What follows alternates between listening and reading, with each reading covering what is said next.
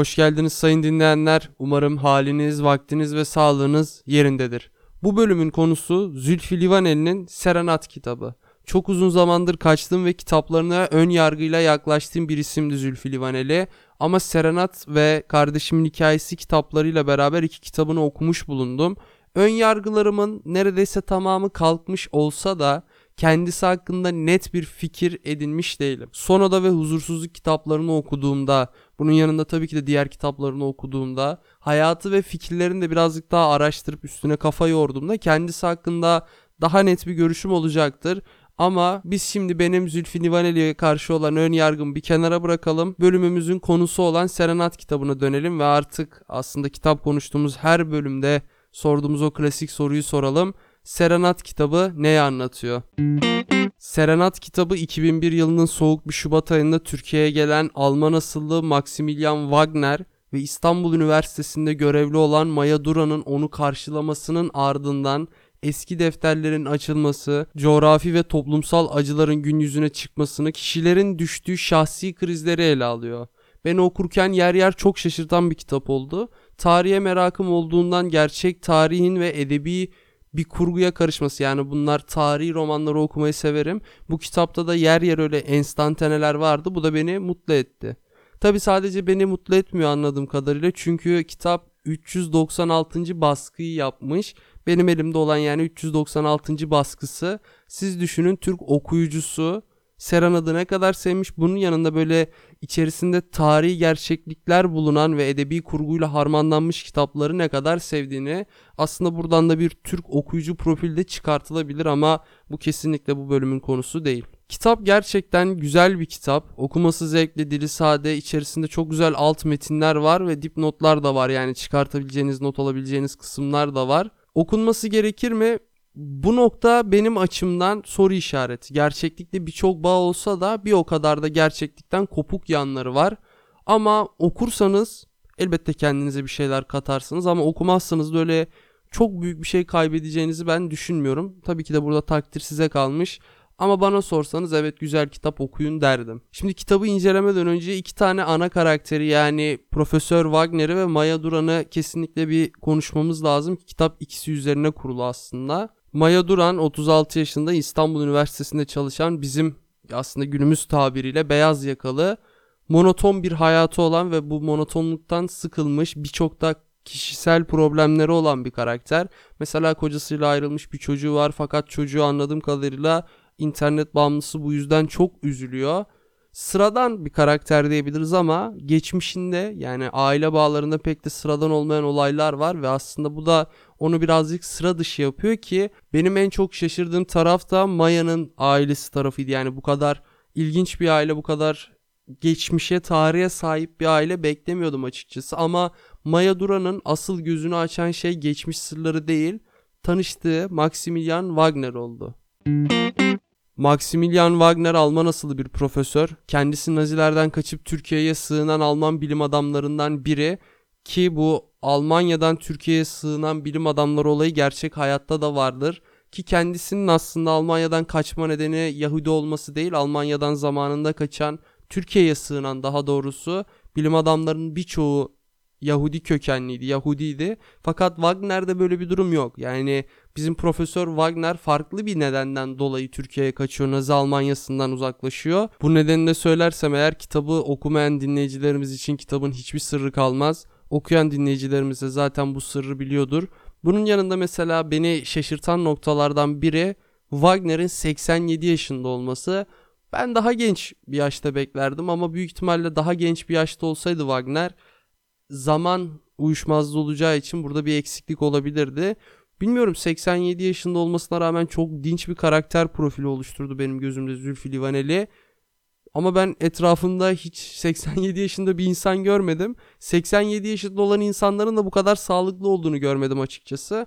Elbette işin şu tarafında unutmamak lazım ki bunlar kurgu metinlerdir. Tamamen yazarın kendi tercihlerine bırakılmıştır.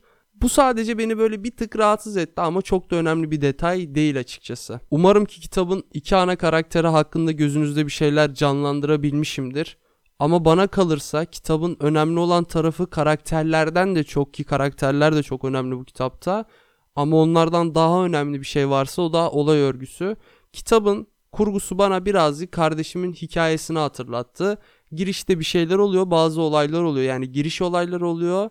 Ondan sonra hikaye devam ediyor. Belli bir yerden sonra akan hikaye duruyor ve geçmişe ait anılar anlatılıyor. Sonra da şimdiye dönülüyor ve kitap bitiyor. Bu tıpkı kardeşimin hikayesinde olduğu gibi Serenat'ta da vardı. Beni rahatsız etti ve açıkçası hiç rahatsız etmedi. Ama burada bir parantez açıyorum ve bu kıyaslamayı ve benzetmeyi kardeşimin hikayesine göre yaptığımı da belirtiyorum. Diğer kitaplarını okumadığım için daha Zülfü Livaneli'nin belki sonrada da farklı bir teknik denemiştir. Farklı bir yol izlemiştir. Belki huzursuzlukta hiç böyle bir şey kullanmamış da olabilir. Onlara bakacağım. Bunun yanında yine kardeşimin hikayesinde olduğu gibi bu kitapta da bir şey var. O da merak duygusunun hep devam etmesi. Ama bana kalırsa bu merak duygusu kardeşimin hikayesindeki kadar devam etmiyor. Çünkü belli başlı sorular sordum ben kitabı okurken. Bu profesör kim? Neden herkes bu adamın peşinde? Niye bu kadar önemli? Bu adamın geçmişinde neler var gibi sorular sordum. Bu sorularda kitap tarafından cevaplandıktan sonra açıkçası o kadar çok merak etmedim. Ama okumaya devam ettim. İşte o merakım bittikten sonra okuma nedenim de herhalde Zülfü Livaneli'nin romancılığının etkisinden kaynaklanıyor olabilir. Ama dediğim gibi merak öğesi arıyorsanız bir kitapta o da kardeşimin hikayesinde daha çok var bana kalırsa. Kitabı birazcık eleştirdikten sonraki çok sert de bir eleştiri yaptığımızı düşünmüyorum ama kitabın güzel bir yanını da söylemem gerekiyor ki o da toplumsal suskunluk sözleşmesi. Bilirsiniz bizim coğrafyamızda acı yaşamadan, canı yanmadan, bolca gözyaşı akıtmadan yaşayabilmek için ya çok zengin olmanız lazım ya da iktidar sahibi olmanız lazım ya da bu coğrafyada hiç yaşamamanız lazım. Tabii ki de başka coğrafyalarda da çok büyük acılar var ama bizim yaşadığımız coğrafyada ilginç bir şekilde çok daha fazla, çok daha sık acılar yaşıyoruz. Bunun nedeni de açıkçası ortadayken biz bunu cevaplamaktan kaçıyoruz. Tıpkı bu kitapta olduğu gibi. Kitapta bütün ailelerin yaşadığı bir acı olduğu iddia ediliyor ki gerçekten Türkiye'de böyle bir durum var. Aslında Yine diyeyim bizim coğrafyamızda böyle bir durum var. Hepimizin çok büyük ailevi tarihten gelen ailevi dertleri olsa bile biz bunlarla yüzleşmek yerine hasır altı ediyoruz. Görmezden geliyoruz ki bu belli bir yerde de patlak verecektir ki vermeye de başladı bana kalırsa toplumsal bazda. Bunu nasıl aşarız? Büyük ihtimalle sorunlarla yüzleşirsek açarız. Çünkü biz durmadan savaşların olduğu bir coğrafyadayız. Şu an evet ülkemizde iyi ki bir savaş yok ama çok yakın bir tarihte Kurtuluş Savaşı gibi çok kanlı ve büyük bir savaş verdik. O zamandan gelen acılarımız var. O zamandan bu coğrafyada yaşamış insanların çektiği acılar var. Onların torunlarının bile bilmediği acılar var. Zülfü Livaneli bu kitapta hiç ayrım gözetmemesi bana kalırsa çok iyi olmuş. İşte Ermeni bir kadının başına gelen bu Maya'nın bir akrabası onun başına gelen acıyı veriyor. Ama öbür taraftan bu coğrafyada yine Müslüman bir Türk'ün başına gelen acıyı da veriyor. Hatta öyle bir yere geliyor ki hiç bizle alakası olmayan aslında bu coğrafyadan olmayan insanların bile acısını veriyor. Böyle yapması açıkçası benim çok hoşuma gitti. Belki bazı kişilerden çekincesi olmuş olabilir veya farklı bir şey de düşünmüş olabilir. Ama her ne olursa olsun ortaya çıkan sonuç açıkçası bu konuda beni tatmin etti. Yani coğrafyanın yaşadığı bütün insanların sıkıntılarını hiç ayrım gözetmeden anlatması, tarafsız bir şekilde yazması bana kalırsa gayet iyiydi. Artık yavaş yavaş da bölümü özetleyelim. Serenat Günah ile Seva bile güzel bir kitaptı. Dili sade, okuması zevkli, akıcı bir kitaptı. İyi bir kitap mı? Burası kişiden kişiye değişir ama ben beğendim açıkçası ki şunu söyleyeyim benim Zülfü Livaneli'ye karşı çok büyük ön yargılarım vardı. Bunların birçoğunu açtım. Ee, kardeşimin hikayesi ve Serenat kitabıyla ama birçoğu halen daha duruyor. Diğer kitaplarını okudukça belki bunu da aşarım ama ön yargılı olmama rağmen ne yalan söyleyeyim güzel bir kitap okudum ama klasik bir kitap mı derseniz burası tartışmalı bana kalırsa. Bunu tabii ki de zaman belirleyecek. Türk okuyucusu genel olarak okuyucular belirleyecek. Bunu da bizim zamana bırakmamız lazım.